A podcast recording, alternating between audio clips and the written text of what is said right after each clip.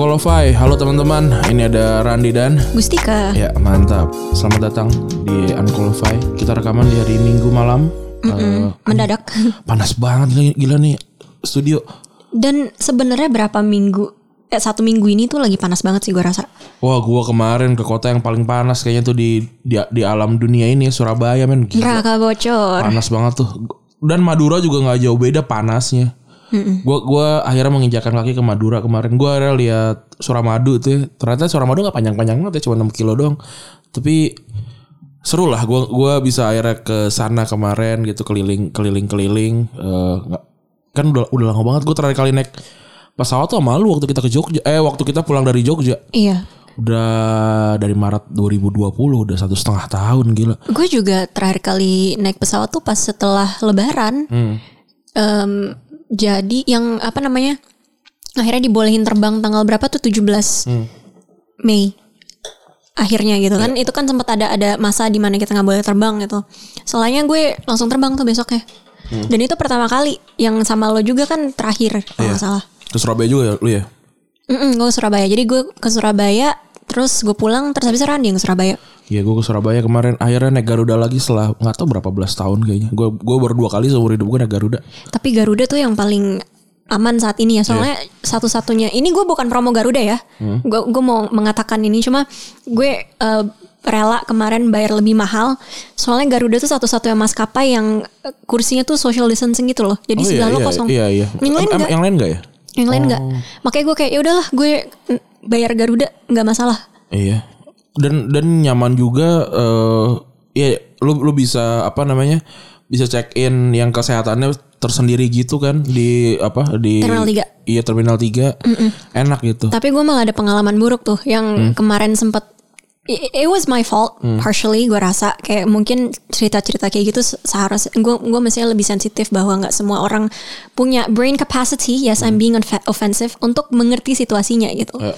Gue kan eh, ini ya gue pikir udahlah gue besok aja eh, swab dan gue gue tuh flightnya tuh jam 8.35 penerbangan gue. Iya. Terus eh, gue tuh dateng, gue tuh berangkat dari rumah tuh udah jam 5 25 atau gimana. Pokoknya gue tuh nyampe tuh jam 6 lewat Iya. eh, 9 kalau nggak salah. Dan itu kan udah daftar EHK apa segala macam gitu. Tapi gue da- karena gue nggak tahu tesnya di mana dan gue daripada nyari-nyari gue pokoknya yang penting gue walk in gitu. Gue gue mikirnya tuh gitu aja soalnya gue nggak tahu kan. Gue udah lama nggak ke bandara dan waktu Dennis di, di Jakarta juga tesnya nggak di bandara. Jadi gue nggak tahu mesti ke mana. Jadi gue kayak oke tes paling deket di bawah eh di bagian sini gitu. Ya pokoknya yang pertama gue lihat gue ngantri. Nah gue tuh ngantri tuh buat pendaftaran gitu buat pendaftaran si si eh, providernya ini. Dan gue tuh ngantri tuh pokoknya udah setengah jam atau 40 menit gue lupa. Pokoknya jam 6 45 49an gitu tiba-tiba ada orang nyelak gitu. Gue pasnya gue duduk gitu pasnya gue duduk. Terus ada orang nyelak di depan gue kayak eh, ngomongnya sama si mbaknya. Eh, izin mbak tolong eh, penumpang yang ini didahulukan karena jam 7.15 sudah nggak gue nggak tahu antara take off Atau atau atau atau ini apa namanya boarding. Hmm. gue nggak tahu antara dua itu.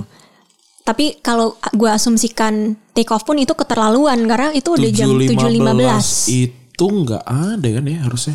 kenapa? Gue tuh berangkat paling setahu gue paling pagi itu kan jam tapi kan dia bukan Garuda. Oh ya ya. ya, Mungkin ya, Mungkin, mungkin, nggak tahu. Setahu gue Garuda tuh paling Garuda pagi. tuh paling pagi 8 berapa tujuh gitu tiga puluh apa kalau nggak salah. Apa Iya, tujuh iya pokoknya nggak salah. Gua tuh kemarin paling paling pagi lah intinya. Gue kayaknya kemarin tuh kedua paling pagi kalau kedua paling pagi tuh ya delapan tiga puluh. Delapan tiga puluh. 8.35 iya delapan tiga lima. Mm, gue yang itu. Terus kesel dong gue. Orangnya yang juga ngeliatin gue gitu. Dan gue inget banget eh yang minta yang izin tanda kutip itu tuh pakai kalung dan dari kapol dari apa kepolisian RI atau kan ada ada lambangnya ada fotonya ada namanya. Belakangnya Putra depannya J. Gue nggak mau deh namanya nanti ketahuan tapi Putra kan nama yang pasaran gitu. Ya. Terus yang dia kawal itu ngeliatin gue, kan gue baru duduk tuh. Seakan-akan gue harus berdiri ngasih seat gue m- apa namanya ketika gue mau mendaftar itu ke dia. Terus si mbaknya juga ini lagi najis gitu. Najis dalam arti dia tuh em, kayak memberikan eh, menormalisasikan hal-hal kayak gini. Ya. Dia malah cengengesan kayak ih bapak kok mepet banget sih kayak gitu. Gimana gue gak makin kesel gue tuh Hmm. Itu udah itu tuh di ruangan yang itu eh oh lu di bawah ya? di luar lah pokoknya.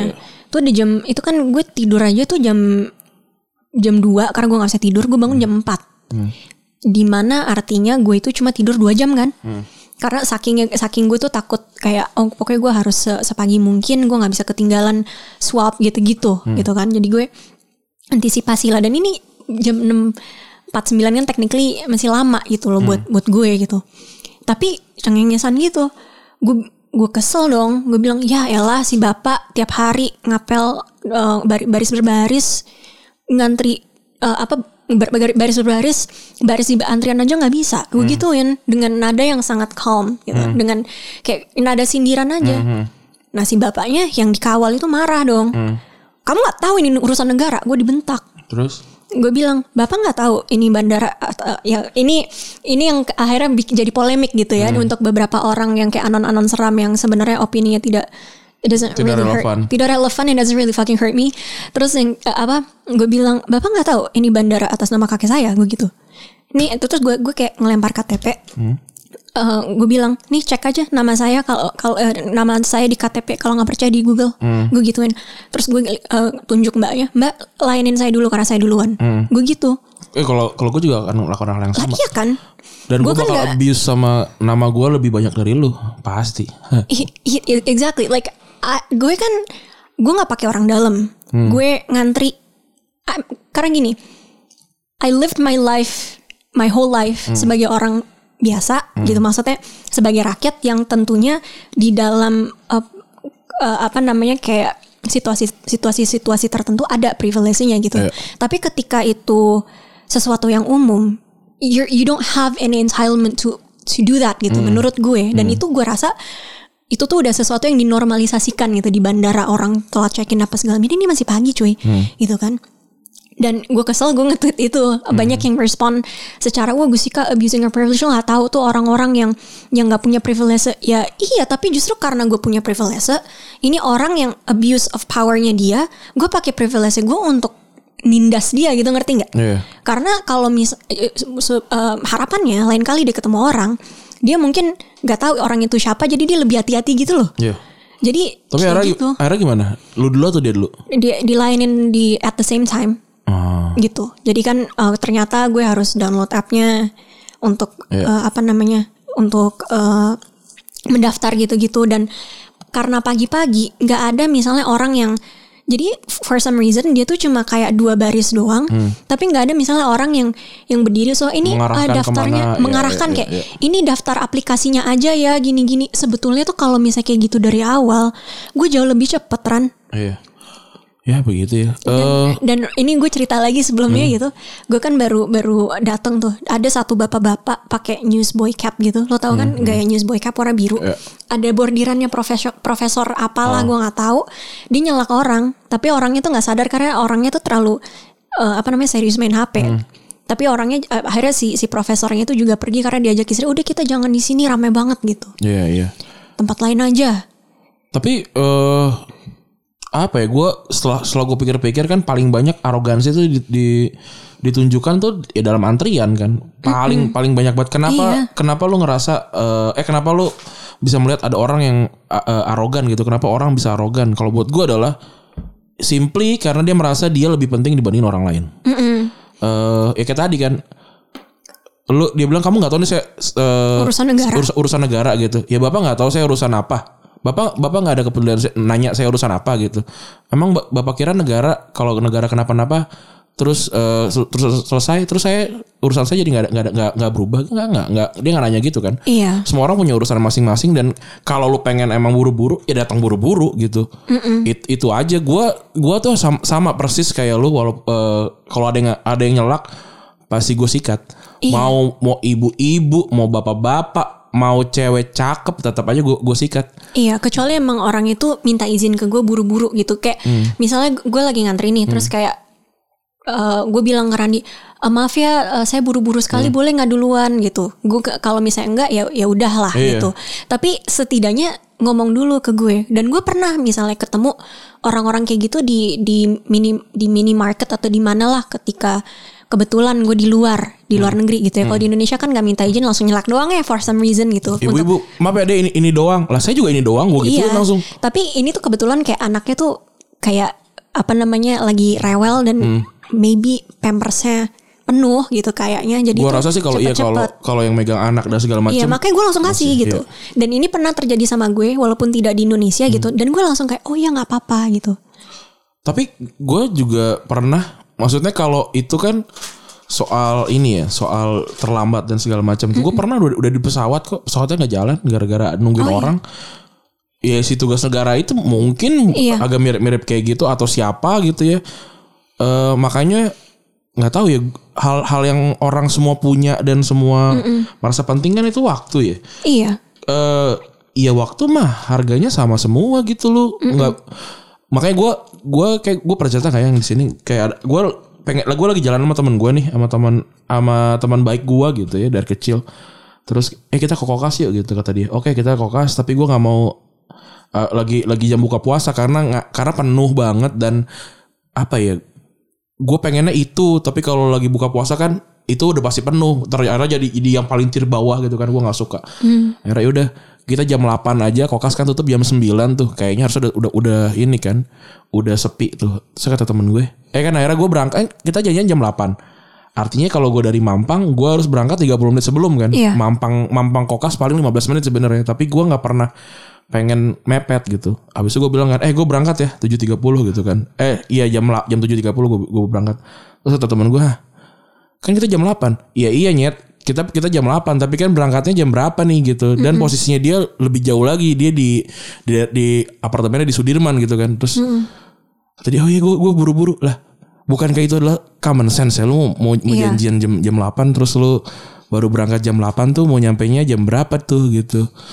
Kok kok tidak tidak menghargai gitu. Nah, gue sih selalu mau gue tuh kelihatan banget gue tuh arogan banget men gue tuh gue ngerasa diri gue arogan sekali gitu tapi jarang gue pakai buat hal-hal hal-hal yang yang begini-begini tuh yang abusive ke orang iya, gitu gue juga nggak pernah loh. nah eh kalau menurut lo ciri-ciri arogan tuh kayak gimana yang pertama kali langsung kelihatan Yang hmm, sulit sih, tapi biasanya tuh kalau ke gue yang gue- orang yang gue temuin tuh Hmm? mereka ngerasa paling pinter gitu loh. nah Jadi eh goalsnya tetap ujung-ujungnya tetap merasa merasa paling penting sih merasa lebih merasa lebih Merasa gitu lebih. kan. Jadi kayak misalnya gue pernah nih eh ketemu orang dia nanya, "Oh, jurusan apa?" gitu. Ini gue pas gue masih kuliah. Oh ya studi perang. Oh kamu harus baca ini, harus baca itu, harus baca ini. Padahal orangnya tuh juga bukan orang orang firstly bukan orang yang Yeah. dengan background pertahanan atau keamanan. Lalu dia tuh eh, mensuggest gue bukunya Steven Pinker yang adalah kalau nggak salah psikolog atau apa ya dia. Ntar gue Google. Steven Pinker tuh apa ya? Pokoknya tentang, tentang enlightenment gitu-gitu. Dia psikologi dan cognitive science gitu. Sedangkan gue tuh belajarnya strategi gitu loh. Yang oke mungkin ada hubungannya gitu. Tapi kan gue nggak perlu tahu psikologi secara mendalam dong. Iya. Gue bukan gue nggak ngambil war psychiatry. Ada jurusannya, ada S2. Tapi kayak langsung so tahu seakan-akan tuh paling tahu kenapa uh, strategi ini terjadi karena psikologinya gini nggak nggak kayak gitu bos gitu loh. Kayak gue kan nggak bisa misalnya bilang ke lo lo tuh lo kan ini ya apa namanya um, teknik sipil. Terus gue mesti bilang gue bilang kalau lo tau nggak peradaban gini gini gini bikin gedungnya karena begini. Iya. kan kayak ya oke but like it has nothing to do with iya. what I do gitu. Atau yang kayak gitu-gitu. Atau misalnya ini kembali lagi ke, ke background keluarga gue ya. Gue sering ketemu gue kan actually ya gue tuh orang yang yang nggak kenal gue ya selalu bilang oh Gusika tuh pasti cuma cuma ngomongin kakeknya doang gitu. Iya. tapi padahal uh, gue punya teman SMP ini gue bisa kasih lihat chatnya ke lo di di inbox Instagram dia bilang gue baru tahu setelah lo lulus gitu. Kayak bahwa kayak kakek gue siapa segala macam. Dan itu also happen in high school gitu. Um, guru gue SMA kaget gitu an- an- akan hal itu. Jadi orang yang nggak tahu tentang lo kan yang akan berasumsi dan berbicara paling banyak tentang lo. And anyway um, apa namanya gue sering ketemu orang misalnya dia bilang oh kamu cucunya Bung Hatta kamu tuh bukan cucu aslinya kalau tidak menjalankan koperasi. Yang kayak gitu-gitu. Iya. yang kayak menurut gue anjing arogan banget lo nggak jelas. Padahal value keluarga gue gitu. Nenek gue tuh pernah bilang eh, tentang sepupu gue. Atar mau jadi koki nggak apa-apa. Pokoknya yang penting dia bahagia dia jujur dan dia good at his job. Dia dia suka pekerjaannya dan dia menjalankannya dengan passion dan baik gitu. Dan itu yang ditanamkan gitu loh. Nggak ada misalnya doktrin di dalam keluarga yang saya eh, eh, misalnya eh, apa kakek gue ngomong ke anak-anaknya ayah itu eh, tokoh Bangsa. eh, tok ya tokoh bangsa koperasi. Kalian semua harus menjalani koperasi. Nggak ada. Yang satu antropologi yang satu ke dokter apa namanya kesehatan masyarakat. Yang satu pol- ngambil politik iya tapi nggak jadi nggak nggak kayak jadi oligarki gitu loh. Jadi kayak semua itu santai sesuai passion tanda kutip masing-masing. Dan yang penting jujur udah gitu doang. Tapi kadang tuh ada orang yang datang yang eh, mengatakan sesuatu tuh seakan mereka seakan-akan mereka tuh lebih tahu dari daripada Iya. kita yang secara internal. Oke, gue nggak pernah papasan sama sama beliau gitu. Tapi yang ngomong ke gue pun juga nggak pernah gitu loh. Iya. Lain kalau misalnya ngomong eh, Rosian Anwar gitu, yang almarhum atau Emil Salim ngomong ke gue kayak gitu, gue masih bisa oh iya pak gitu. Iya. Tapi ini kayak lu cuma baca satu buku terus lo tahu gitu loh. Jadi gue kayak kadang tuh gregetan dan ini yang kalau ini yang gue alami pri- sendiri ya. Lu gimana Ran?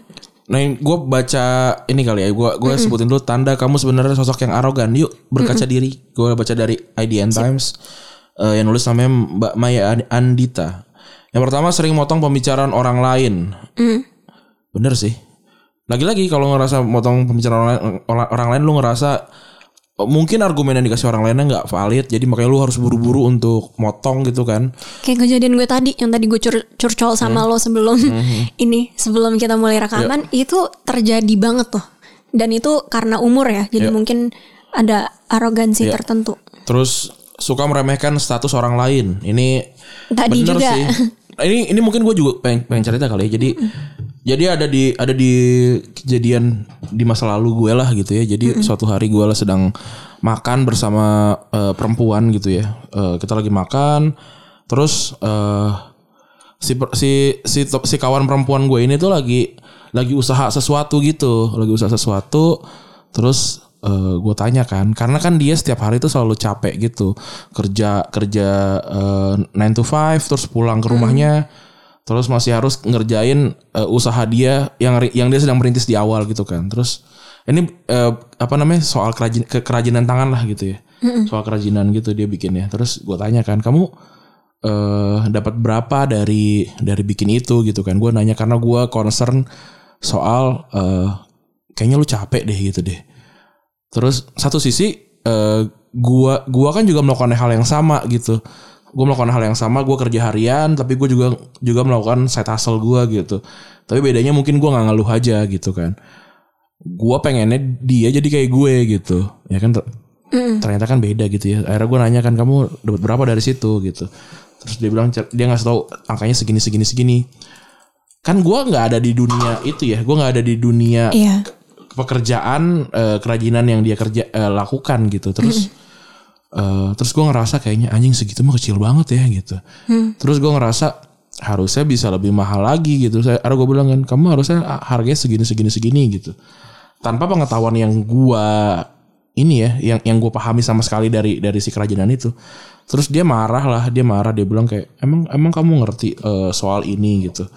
Terus dia marah dia ngerasa gua itu so tau mansplaining lah biasa. Iya. cowok gitu ya eh, mar- marah segala macam awalnya gua nggak gua nggak ngerasa gua salah gitu. Awalnya gua ngerasa kayak ya kan gua nah itu Concern itu gitu lagi ya. concern concern gua kan juga nggak nggak gue ceritakan di awal kan. Gue cuma nanya langsung gitu kan. Terus akhirnya gue gue coba ngejelasin terus lama-lama gue ngerasa kayak anjing iya juga makin lama gue makin gue ngejelasin makin salah lah gue gitu. Akhirnya tuh gue akhirnya akhirnya kita berantem lah di hari itu tuh. Berantem berantem yang cukup besar gitu.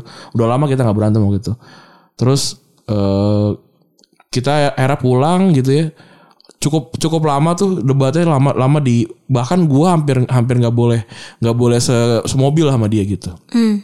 akhirnya kita diskusi segala macam gua menemukan kesalahan gue gitu ya akhirnya gue minta maaf gitu dan itu Dan itu gue ngerasa kayak anjing iya juga anjing arog- arogan juga gue gue gue memaksa dia untuk untuk jadi kayak gue gitu ya. Eh apa namanya? Kan gue ibaratnya ada, ada persentasenya lah gue dapat berapa dari luar dapat berapa dari kantor. Gue pengennya dia seperti itu juga karena gue nyamannya segitu gitu. Terus gue juga ngerasanya eh, terlalu banyak dia terlalu banyak ludah segala macam gue coba pengen masukin dia ke sepatu gue.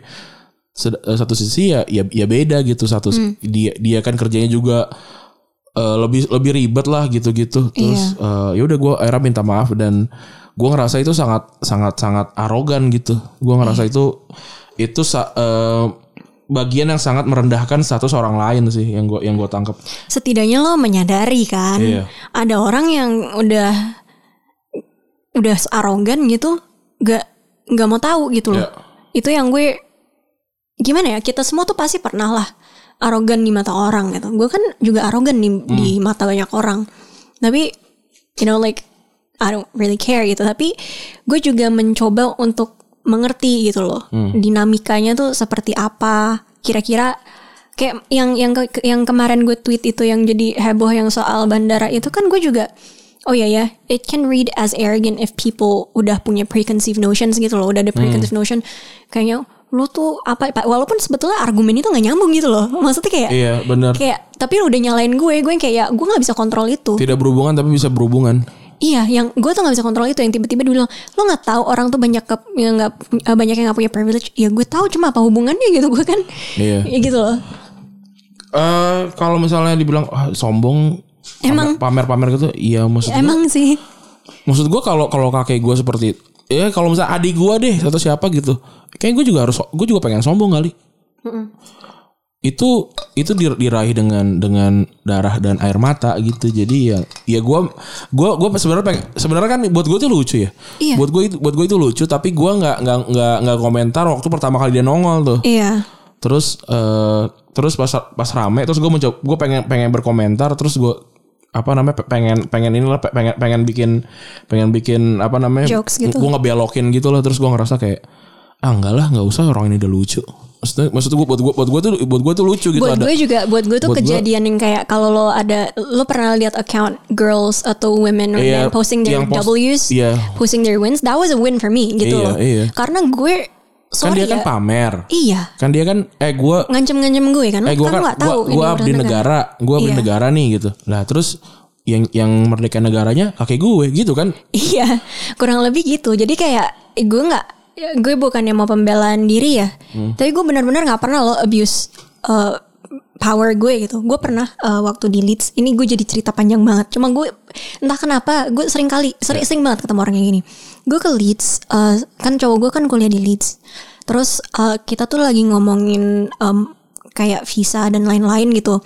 Kan mau ke nggak tau lah kan eh ngurus visa Schengen atau gimana gue kan untuk karena paspor gue hitam saat itu karena kakek eh, kakek lagi karena bokap gue diplomat dan rightfully gue boleh pakai paspor hitam eh untuk beberapa negara Schengen gue nggak perlu pakai visa. Gue bisa masuk aja misalnya ke Prancis ke Belanda gitu. Tapi gue nggak pernah pergi karena eh, saya tidak punya uang kebetulan. But anyway terus kan di eh, gue lupa abis dari mana gitu. Kalau nggak salah gue abis oh gue cerita gue bisa dari Belgia sama nyokap. Karena nyokap gue masih punya Schengen jadi kayak nyokap gue ngajak dan ke Belgia tuh nggak nggak perlu visa Schengen gitu. Terus eh, temen gue nanya kan emang apply-nya gimana sih kalau student? gitu-gitu. Terus gue bilang oh gue nggak tahu nih soalnya gue kebetulan nggak apply gue pakai paspor hitam. Jadi gue sama nyokap gue emang milih negara yang bisa day trip yang nggak pakai nggak pakai visa gitu loh. Iya. dan nyokap gue kan ada, teman di Belgia. Tadi kepikiran mau ke Prancis itu yang gue gue pernah cerita juga kok di unqualified yang kalau misalnya kita pergi di hari itu kita tuh di hari Paris attacks by the way yang Ada yang bom. itulah ada bom eh, pernah di Bataclan ada penembakan Iya lagi konser Uh-uh, itu itu gue pernah cerita. Nah, si ada nih anak yang gue tuh juga baru pertama kali ketemu. Gue diginiin, oh eh, emang kamu siapa? Pokok punya paspor hitam. Terus gue gini dong. Oh iya, eh, kebetulan bokap gue diplomat, jadi gue punya paspor hitam gitu. Terus bilang, oh eh, gue juga pakai paspor hitam. Oh iya, diplomat juga. Oh enggak, eh, kakek gue pernah jadi wapres. Terus gue yang kayak gue men- keta- apa namanya mendem ketawa gue dong. Karena gue gue tuh sekarang udah ngelepas paspor hitam loh. Lo mau per- kakek lo pernah wapres, nyokap lo pernah wapres atau gimana gitu. lo tuh nggak punya hak untuk pakai paspor hitam kalau orang tua lo bukan diplomat gitu. Bokap gue aja sekarang pakai paspor biru gitu. Karena itu pun karena dia eh, apa namanya dia he, he was at service for the republic gitu. Tapi gue kan nggak punya hak gue paspor hijau sekarang gitu. Paspor paspor biasa. Nah ini yang kayak dia tuh eh, kakeknya tuh wapres zaman orba gitu. Terus ya temen gue bilang dong lo nggak tahu dia siapa kayak gitu. Jadi yang itulah yang gue ketemu arogansi itu biasanya kayak gitu. And usually it's not me who start who who, who started. Cuma ya gitulah gue sering banget ketemu orang yang abuse of power kayak gitu. Oke, gue lanjut ya. Eh. Ciri-ciri ya. Yang ketiga mudah marah dengan orang yang kamu anggap rendah. Rendah ini bisa eh, pelayan, Iya. bisa tukang parkir dan segala macam. Nah gue rasa Randi tuh nggak pernah tuh marah sama orang yang Gue tuh untuk orang yang sangat pemarah kepada tim ya, iya sangat santun sama orang-orang itu gitu. Nggak tau nggak tau gue gue ngerasa kayak eh anjing gue tahu kan gue juga kerja harian ya gitu. Gue tahu lu lu capek gitu. gue tahu mungkin lu salahnya kayak seperti apa, tapi ya ya udah. Kita kan beberapa kali kan makan terus telat terus mungkin salah gitu ya. Iya. terus ya udah ganti deh gitu. Eh, selama lu nggak kayak ya udah mas ini aja deh makan ini aja gitu. Nah kalau itu gua gua sikat tuh. Tapi kalau enggak oh ya mas maaf apa segala macam. Ya udah gua gituin. Karena apa ya eh gue tuh dulu sempat bet sempat sebel sama orang yang kayak dia punya dia punya masalah gitu ya. Terus dia melampiaskannya sama orang lain gitu loh. Eh terutama sama orang-orang yang yang kayak gitu. Kayak eh mungkin yang melayani dia. Kayak misalnya gini deh. Lu lu bisa lu bisa tes lu tuh arogan atau tidak gitu ya. Dengan misalnya lu beli apa barang online gitu ya. Terus berapa seminggu nggak nyampe gitu terus lu telepon customer service gitu terus lu marah-marah ke dia gitu tanpa ngejelasin tanpa tanpa ngasih kesempatan dia ngejelasin apa segala macam tiba-tiba marah dar der dor gitu buat gue tuh sih arogan gitu Itu arogan. walaupun lu punya punya hak untuk marah gitu Dan ini kan sebetulnya kita bahas kan Hmm. eh, episode lalu kalau misalnya ini naik eh, apa namanya setelah Mhm. episode lalu Ya. Eh, yang soal ibu-ibu COD itu Ya. yang ngatain orang gitu. Eh, Randi kan bilang dia bisa ngelihat ibunya marah karena nggak ngerti. Tapi kan gue bilang nggak mungkin ibunya Randi keluar kata-kata yang kasar. merendahkan Iya. seperti itu. Dan gue nggak ngera- gue ngerasa Randi juga nggak bakalan kayak gitu Nggak, gitu gua- loh. karena kayaknya Itu beda gitu loh. Dan itu itu ketai gitu. Iya. Itu arogan menurut itu gue. itu itu arogan karena lu arogan sama nggak ngerti beda. karena lu ngerasa ngerasa leb- lebih gitu Iya. gini deh lu pernah nggak sih lu lagi liburan ke desa gitu terus lu ngeliat orang-orang desa di bawah lu gitu. Ada perasaan kayak gitu? Ada pasti ada. Lu ngelihat kayak ah keter apa keterbelakangan gitu. Ya jujur sama gua nggak mungkin nggak nggak ada di perasaan di hati lu ada pasti. Itu bentuknya arogan juga. Iya. kebetulan tidak dikeluarkan aja gitu. Dan Betul. dan apakah apakah jahat? Jahat. Apakah boleh? Ya boleh gitu. Toh juga tidak merugikan kan?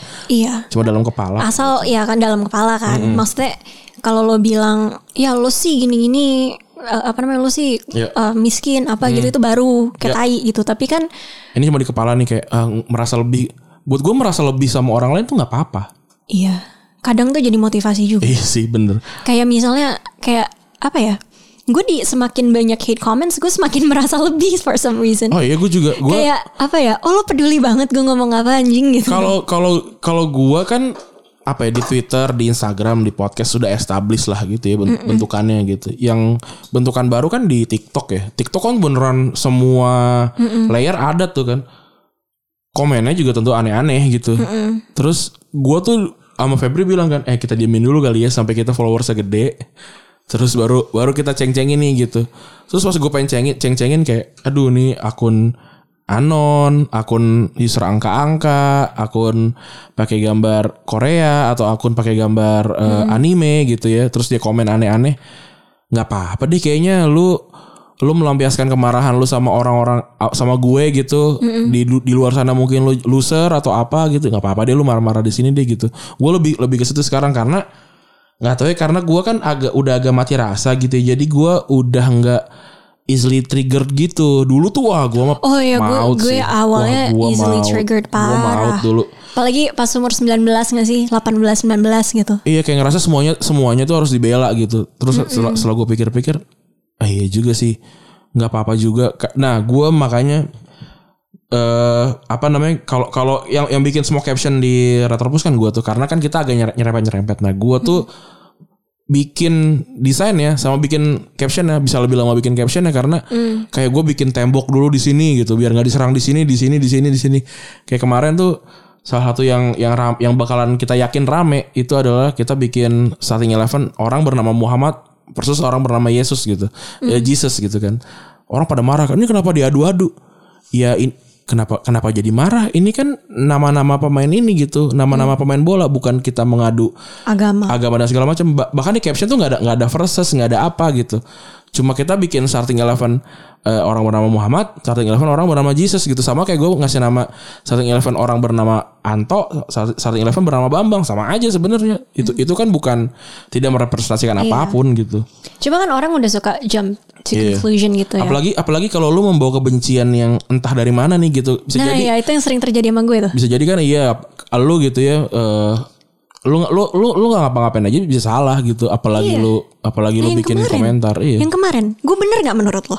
gua gua rasa sih bener gitu Makanya maksudnya gue, gue, gue- kan bukan gue yang abuse of power gitu. Gue justru membela diri. Lu- lu- mengambil hak gue. lu kan cuma cuma mela- apa melampiaskan eh melampiaskan cuma Dengan cuma bahasa- memba- membalas orang orang dengan caranya dia ke lu kan dengan bahasa yang mereka ngerti. Kalau misalnya gue panjang-panjangin, kecuali nih ya kalau misalkan tiba-tiba lu da- datang ke apa bandara telat terus lu ngomong ke orangnya eh sorry saya boleh duluan nggak gitu ya iya, ya kan. Terus ya ka- karena yang bandara aja nama belakang saya gitu. Nah baru itu sih langsung gue telepon terus gue lu gue anjing anjingin gitu kan. Iya, iya makanya. Iya kan, kalau ini kan gue, enggak. gue enggak, gue kayak gini. Gue mau pick an argument sama dia lebih panjang lagi. Hmm. Gue gak ada waktu men. Iya. Itu udah jam, maksudnya gue 649 kan. Em, atau 645, 649 gue gak tahu gue kan Hmm. gak selalu ngelihat HP gitu. Tapi gue pas selesai itu jam tujuan jadi gue asumsikan segitu apa namanya Hmm. jam segituan lah karena kayak lima menitan kan daftar Ya. daftarnya gitu. Itu kan ya kalau misalnya gue panjangin gitu, ye bangun siang uh, abdi negara doang gini-gini sampai Iya. Pasti ujung tuh kan pasti lu juga ada akan ada salah ngomongnya tuh. dan ujung-ujungnya apa masuk teks dari berseragam gitu. Iya. Maksudnya orangnya yang berseragam cuma Tapi- satu sih cuma ya gitulah. Tapi gue sih ya menyarankan ya kok kalau lu pada eh, pakai pesawat lagi gitu ya untuk urusan apa pun gitu ya, mendingan swab di luar sih. Iya Karena benar, benar. ah asli sih gua gua gua tuh kemarin pengen pengen ngegampangin tuh karena kita kan eh ya udahlah cuma sehari doang segala macam gitu kan. Terus karena karena gua sama orang yang bi- yang udah biasa yang kayak gitu kan, jangan udah di luar aja. Bandara tuh tidak tidak pernah terprediksi orang-orangnya seperti apa dan apa segala macam. Akhirnya gua dari Madura eh jam jam 2 jam 12 siang kereta gua eh kereta pesawat gua tuh jam 7 jam 7.30 kan jauh banget sebenarnya Iya. tapi kan dari Madura, dan gue dari Pamekasan ke Surabaya aja tuh udah makan 3-4 jam. Ti- eh, terus kita tuh harus nyari nyari ini, nyari swab antigen di Surabaya. Surabaya kan kota terbesar kedua di, di Indonesia ya. Iya, Ternyata tidak tidak sebanyak itu gitu. memang. Apa agak agak susah ada, ada tapi kayak tiga tiga jam ya mas ya. Ya gimana dong nggak bisa nih terus. eh apa yang gue tahu kan harus di print gitu-gitu kan. Eh, Dan ternyata memang iya. Dan gue pun pas dari Surabaya gue sempet ini, sempet Hmm. ada kesalahan tuh Dennis tuh sampai marah-marah. Marah-marahnya tuh karena di kertas yang tertulis itu dia kan maksudnya terbang penerbangan internasional Hmm, kan. Tapi nggak ditulis bahwa itu swab an- apa swab. PCR. Oh, PCR. Dan dia kan harus PCR, gue juga PCR. Iya. Jadi cuma ditulis apa gitu yang sebetulnya kayak ini PCR atau antigen ataupun Hmm. rapid yang ditusuk itu tuh atau bahkan Janus tuh Hmm. nggak jelas gitu. Iya. Dan itu tuh ny- nyaris dia tuh nyaris ditolak sama maskapai. Hmm. Dan dia marah sama yang apa namanya uh, tempat Yang swabnya. Hmm. Menurut gue masuk akal sih. Soalnya kemarin ini kan dibilang kita Hmm. ya, ini butuh buat apa namanya terbang Hmm. ke luar negeri. Dan mungkin di sisi lain uh, tempat swab ini belum ada pengalaman itu. Ya gue kemarin di Intibios oke di Surabaya mantap. Hmm, Gue di di dinkes. Oh. Makanya agak cuma ditulis alatnya Iya. doang tapi bukan PCR gitu. Nah, gue pun di pas mau terbang balik ke Jakarta ny- nyaris ditolak tuh. Maksudnya harus ditanya dulu ini tuh apa. Jadi nelfon ke dinkes segala macam. Di, di Surabaya kan itu juga tuh pas oh ini nggak bisa apa yang ini belum belum bisa online nih segala macam akhirnya dit- ditulis lagi tuh ditulis lagi pakai apa pakai pakai tangan gitu ini ini sudah diverifikasi dan segala macam kan gua gue bertiga, gue bertiga naik Garuda, kru gue berlima naik batik tuh. Nah kru gue yang satu itu iseng aja pakai ini, pakai swap yang kemarin. Kan kan cuma satu kali 24 jam kan.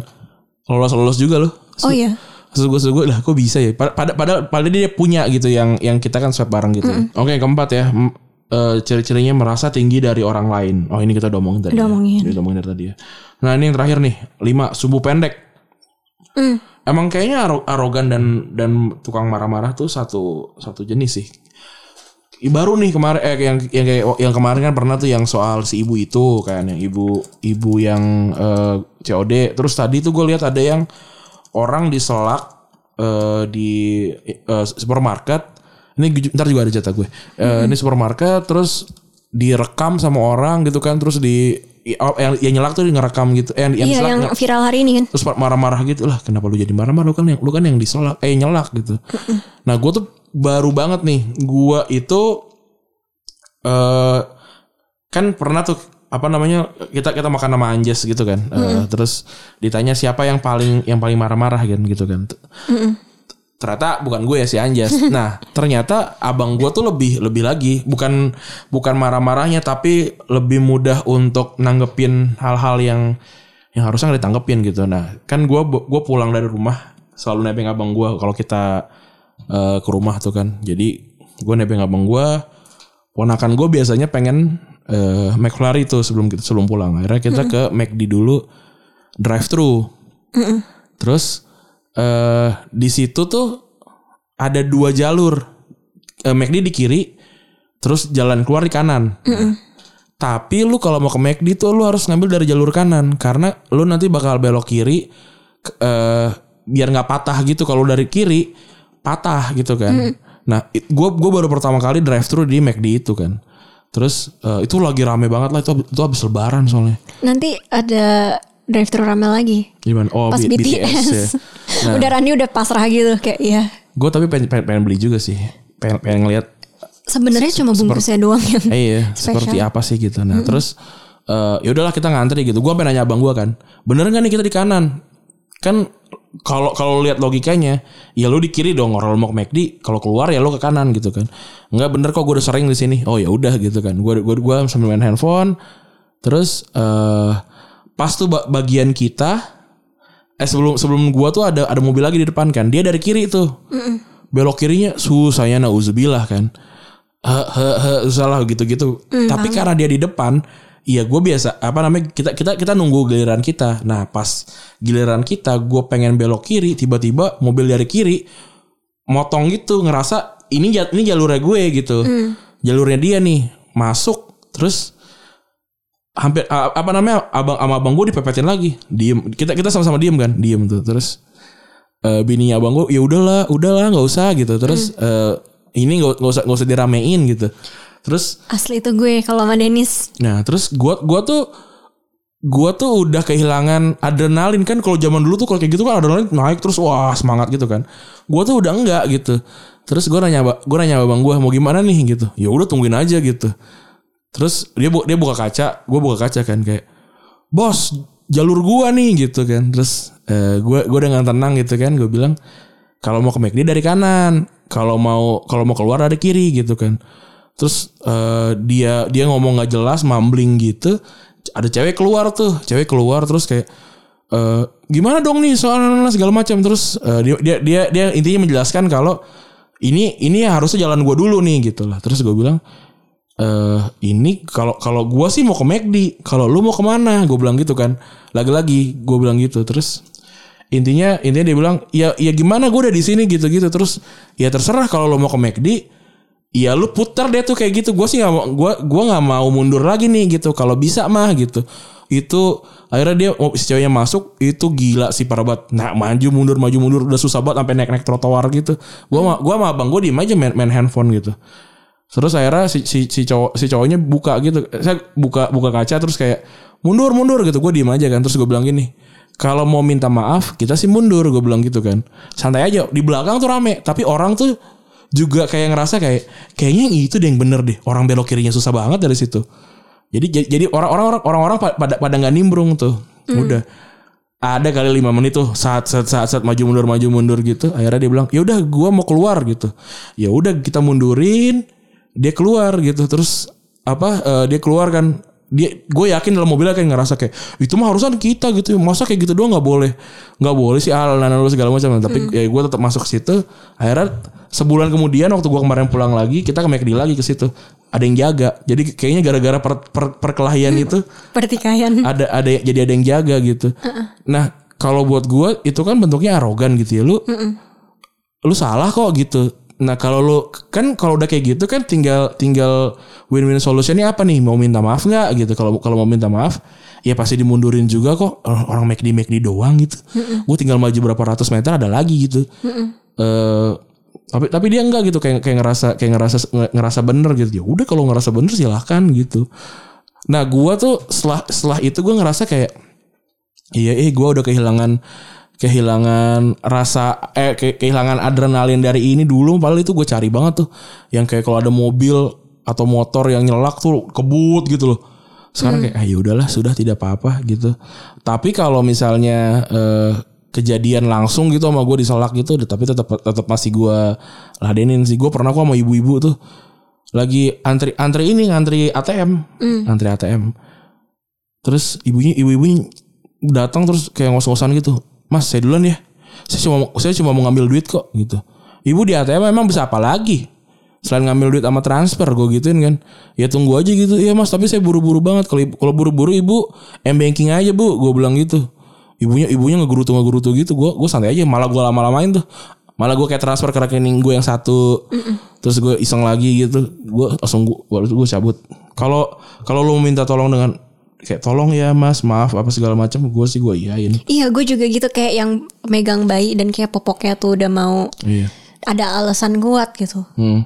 Sama seringnya juga kalau berhubungan sama public figure gitu ya. Eh, Oh ini public figure menarik nih soalnya ada dua sisi kan. hmm.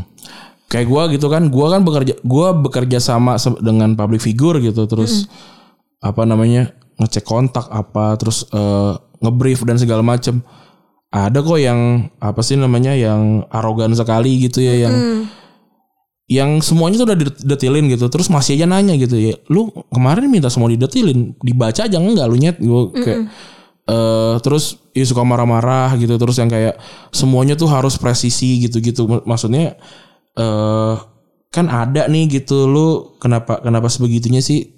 Kan sama-sama manusia juga gitu. Itu sih kalau kalau sama public figure sih gue ngerasainnya kayak aduh bete banget. Tapi ada juga yang kayak baik gitu. Padahal baik itu tuh harus gitu. Iya. bukan yang kayak ih Randi tuh baik ya gitu. Iya kalau baik mah harus kali gitu. Iya. kayak ih Randi wangi ya. Lah wangi mah bukannya harus ya. Tapi ada juga yang ini gue bukannya pengen jadi devil's advocate ya, cuma karena gue kan ya kita berdua sebetulnya jatuhnya public figure juga ya Ran. Tapi kalau gue itu di ini tuh gue sempat ngobrol nih panjang banget sama kolega gue di kantor. 2019-an gitu kan ya ya hidup gue tuh nggak tenang lah intinya. Gue lagi magang nih. Tiba-tiba ada yang datang ke kantor karena pengen ketemu gue. Ya. Tiba-tiba telepon kantor gue ditelepon sama orang ya. Kalau gue taruh itu di LinkedIn itu karena memang it's a professional profile bukan berarti Ya. lo punya hak untuk tiba-tiba datang ke kantor gue Ya. tuh gimana gitu kan. Terus yang yang yang kayak gitu-gitulah em, yang bikin gue nggak nyaman. Nah juga eh, orang ini kan gue sebenarnya di second account ya eh, Randi mungkin lihat Ya. juga gitu gue ngedumel.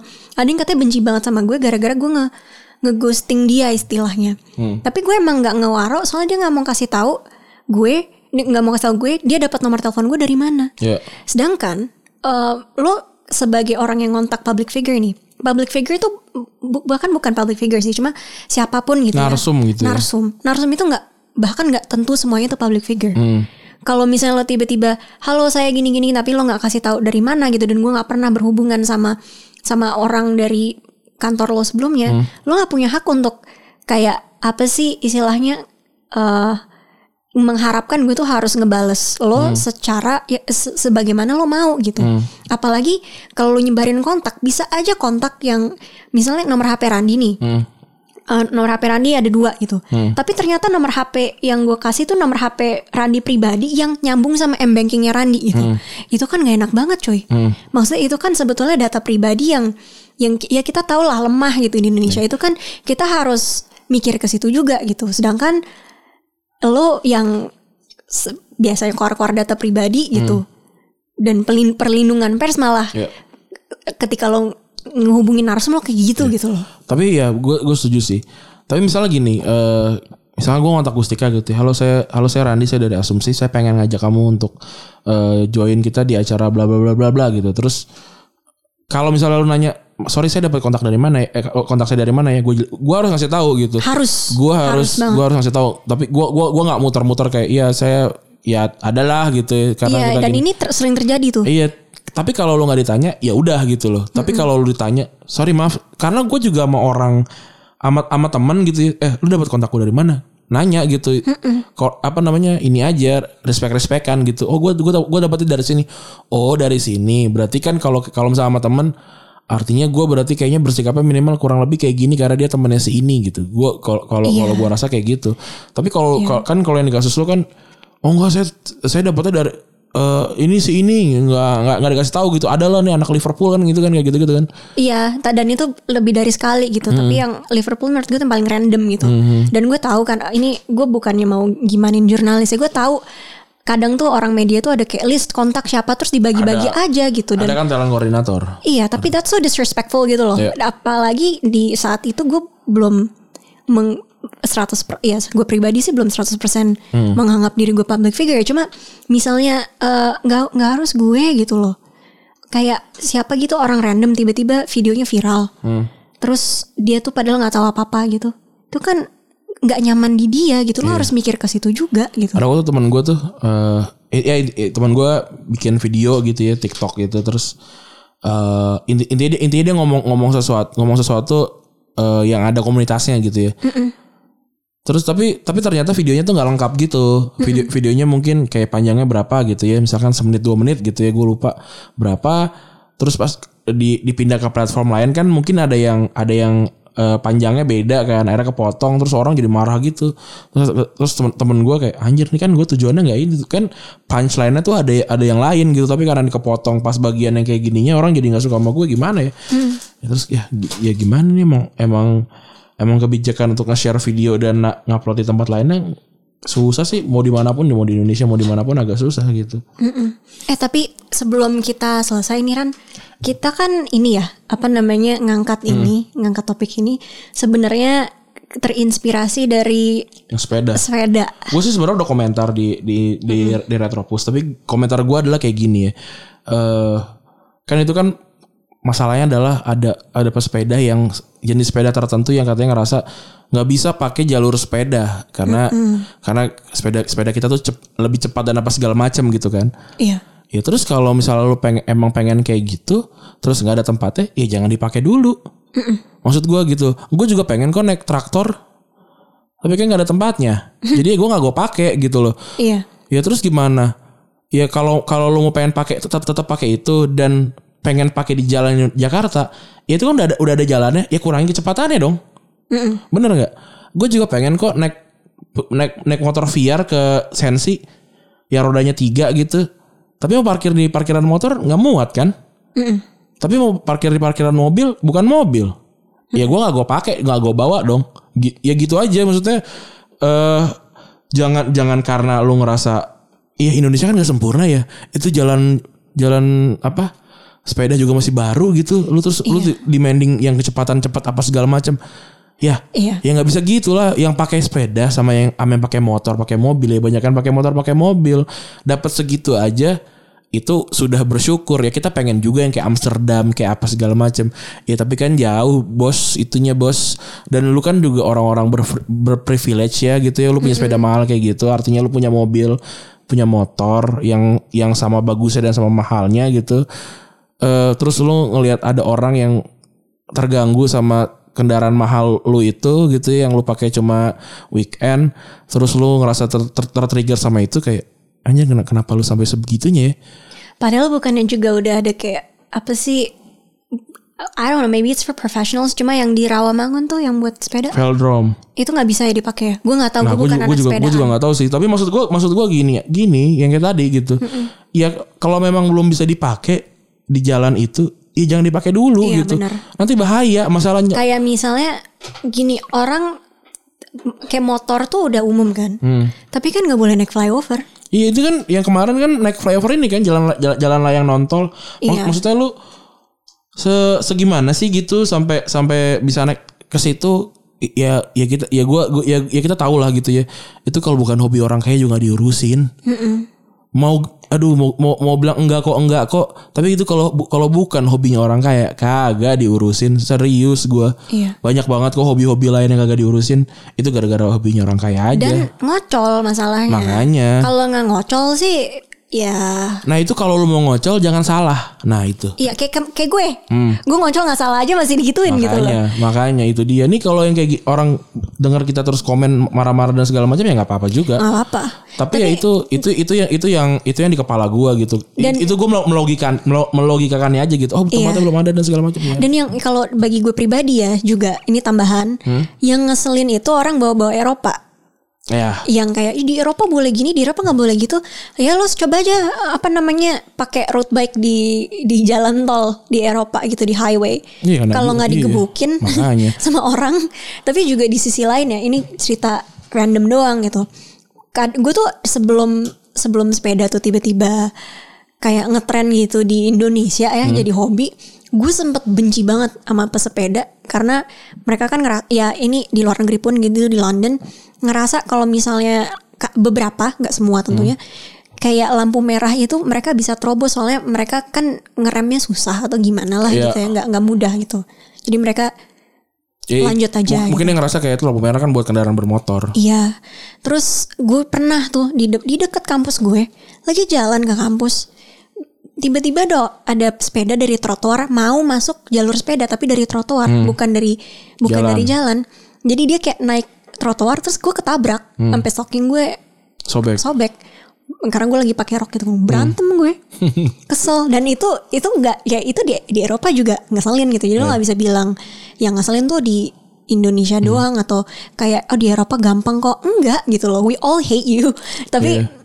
Kembali lagi ini nggak semua sih ya, beberapa orang aja ini kayaknya gue mau bacain satu email yang masuk Ya, sempet gak nih Bisa kok. ini soalnya ini soal sepeda nih Ya. Kisah papasan sama orang arogan. Halo podcast Unqualified, gue bagus mau cerita soal keresahan gue yang gue pribadi alami soal skena sepeda di Indonesia tapi lebih tepatnya di Jakarta kali ya. Jujur gue mulai sepedaan dan pakai road bike juga semenjak akhir tahun 2019 pas banget Covid mulai. Tapi emang sepedaan yang formasi peletonan gitu gue akuin seru banget. Speed mungkin 35 sampai 40 km per jam yang kerasa ngebut banget. Tapi ternyata pas lo ngendarin mobil atau motor itu ternyata emang pelan banget.